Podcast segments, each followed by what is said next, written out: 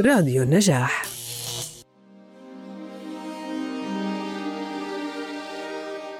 اللطيف.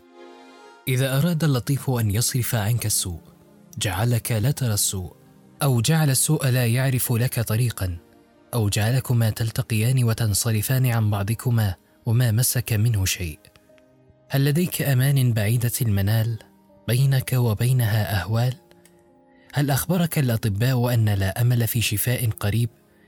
هل تشعر باليأس لأن ما يمكنك أن تفعله لن يأتي إليك بما تتمنى حصوله؟ إذا تعال معي لتتعرف إلى اسم الله اللطيف والذي ستكتشف إذا ما تأملته أن لا مستحيل في هذه الحياة وأن الله قادر على كل شيء وأن أحلامك المستحيلة ستغدو ممكنة التحقق إذا ما طرقت باب اللطيف خفي الألطاف. في اللغة اللطيف البر بعباده المحسن إلى خلقه بإيصال المنافع إليهم برفق ولطف. وتقول لطف الله لك. أوصل إليك مرادك بلطف. واللطف أصله خفاء المسلك ودقة المذهب. فلن يوصل إليك إحسانه برفق إلا من يصل علمه إلى دقائق الأمور وخفايا النفوس. فالله سبحانه هو المحسن إلى عباده في خفاء وستر ومن حيث لا يعلمون ويسبب لهم أسباب معيشتهم من حيث لا يحتسبون. فهو ذو لطف وخفاء ودقة في إكرامه وإحسانه وفي عصمته وهدايته وفي تقاديره وتصاريفه فمع بالغ قدرته وعظمة علمه وبصره بمخلوقاته الا أنه ذو لطف فيما يحوط به العبد من هداية وإكرام وإحسان. لا تفجأك أفضاله بل يسبقها برياح البشرى ويهيئ قلبك لاستقبالها. ثم إذا نزلت بك الأفضال جعل لها من الأسباب التي تسبقها ما تكون بها ممهدة الوقوع وكأنها من محض كسب العبد وهي على الحقيقة إكرام بحت من عظيم المن والعطاء. وتأتي بلطفه عظائم المقادير والتي تستبعد أكثر العقول خيالا وقوعها فيجعلها كائنة حاضرة. كل خيط من ذلك المقدر يمسك به قدر من لطفه. فلا تنتبه إلا وبقريب من المعجزات قد بات بساحتك. لا تعلم كيف أمكنه أن يحدث وتتيقن أن حولك وقوتك أقل من أن تحدثه. فتنظر إلى السماء وتقول الله لطيف بعباده. نسيم اللطف. إذا أراد اللطيف أن ينصرك أمر ما لا يكون سببا في العادة فكان أعظم الأسباب. وإذا أراد اللطيف أن يكرمك جعل من لا ترجو الخير منه هو سبب أعظم العطايا التي تنالك. وإذا أراد اللطيف أن يصرف عنك السوء جعلك لا ترى السوء أو جعل السوء لا يعرف لك طريقا أو جعلكما تلتقيان وتنصرفان عن بعضكما وما مسك منه شيء. وإذا أراد اللطيف أن يعصمك من معصية جعلك تبغضها أو جعلها صعبة المنال منك أو أوحشك منها أو جعلك تقدم عليها فيعرض لك عارض يصرفك به عنها. وعباد الله يرقبون تلك الألطاف من اللطيف ويبصرونها ببصائرهم وكأن كل قضاء ينالهم به بصمة لطف يدركونها وحدهم. عندما أراد اللطيف أن يخرج يوسف عليه السلام من السجن لم يدكك جدران السجن. لم يأمر ملكا أن ينزع الحياة من أجساد الظلمة. لم يأذن لصاعقة من السماء أن تقتلع القفل الحديدي. فقد جعل الملك يرى رؤيا في المنام تكون سببا خفيا لطيفا يستنقذ به يوسف الصديق من أصفاد الظلم. ولما شاء اللطيف أن يعيد موسى عليه السلام إلى أمه لم يجعل حربا تقوم يتزعمها ثوار بني إسرائيل ضد طغيان فرعون. يعود بعدها المظلومون إلى سابق عهدهم. لا بل جعل فم موسى لا يستزيغ حليب المرضعات. بهذا الأمر الخفي يعود موسى إلى أمه بعد أن صار فؤادها فارغا. ولما شاء اللطيف أن يخرج رسولنا عليه الصلاة والسلام ومن معه من عذابات شعب بني هاشم لم يرسل صيحة تزلزل ظلم قريش. فقد أرسل الأرضة تأكل أطراف وثيقة الظلم وعبارات التحالف الخبيث فيصبحون وقد تكسرت من الظلم العرى بحشرة لا تكاد ترى. لغيرك ما مددت يدا وغيرك لا يفيض ندى. ليس يضيق بابك بي فكيف ترد من قصد؟ وركنك لم يزل صمدا فكيف تذوذ من ورد؟ ولطفك يا خفي اللطف إن عاد الشرور عدا. إنه اللطيف سبحانه. بأيسر الأمور يقدر أعظم المقادير وتتم إرادته على ما شاء وعبده غير مدرك بأن شيئا ما يحدث. الصخرة تنام فيحب أن تقوم تصلي بين يديه فيرسل ريحا هادية تحرك نافذتك أو طفلا من أسرتك يمر ويحدث ضوضاء بجوار غرفتك أو حاجة شديدة في شرب شيء من الماء. فتستيقظ وتنظر إلى الساعة وبعد دقائق تكون واقفا على السجادة تناجيه ولا تعلم أنه هو من أيقظك. تقود سيارتك في مرتفعات الجبال ثم فجأة ترى من الضرورة أن توقف سيارتك جانبا لتتأكد من وجود شيء في درج السيارة هويتك أو محفظة نقودك.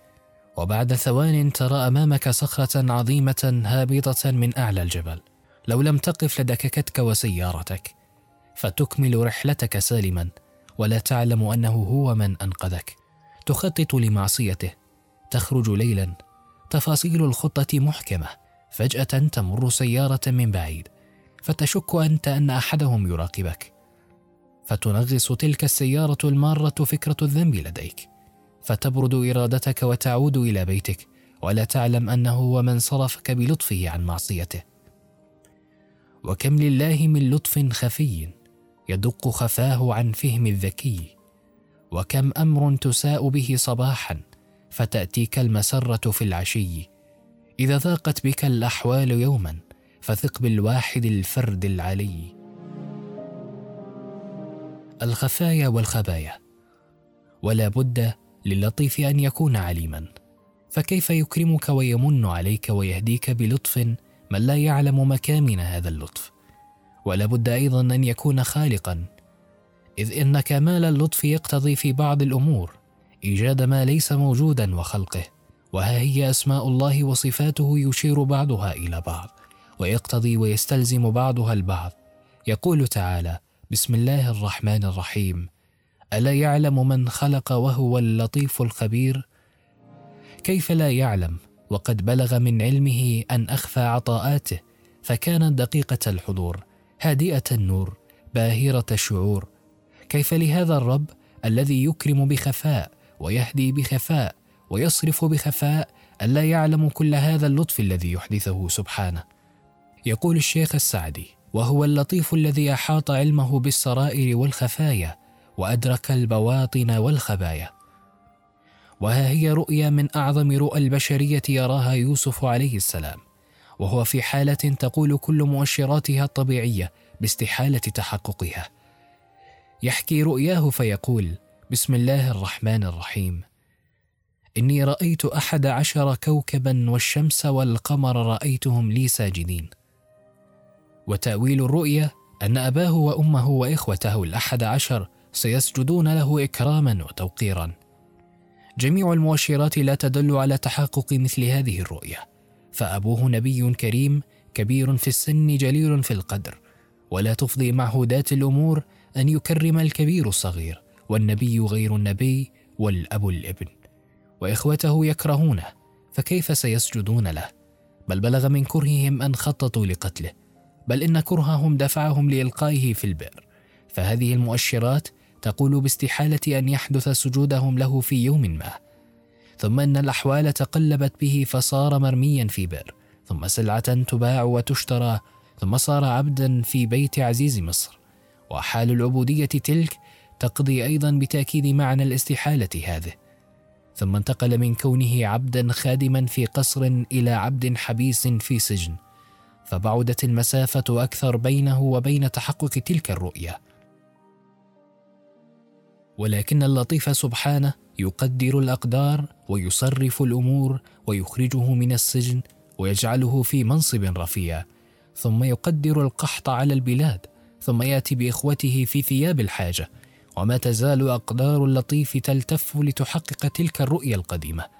فيعجب يوسف لسجود والديه وإخوته ويقول يا ابت هذا تأويل رؤياي من قبل قد جعلها ربي حقا.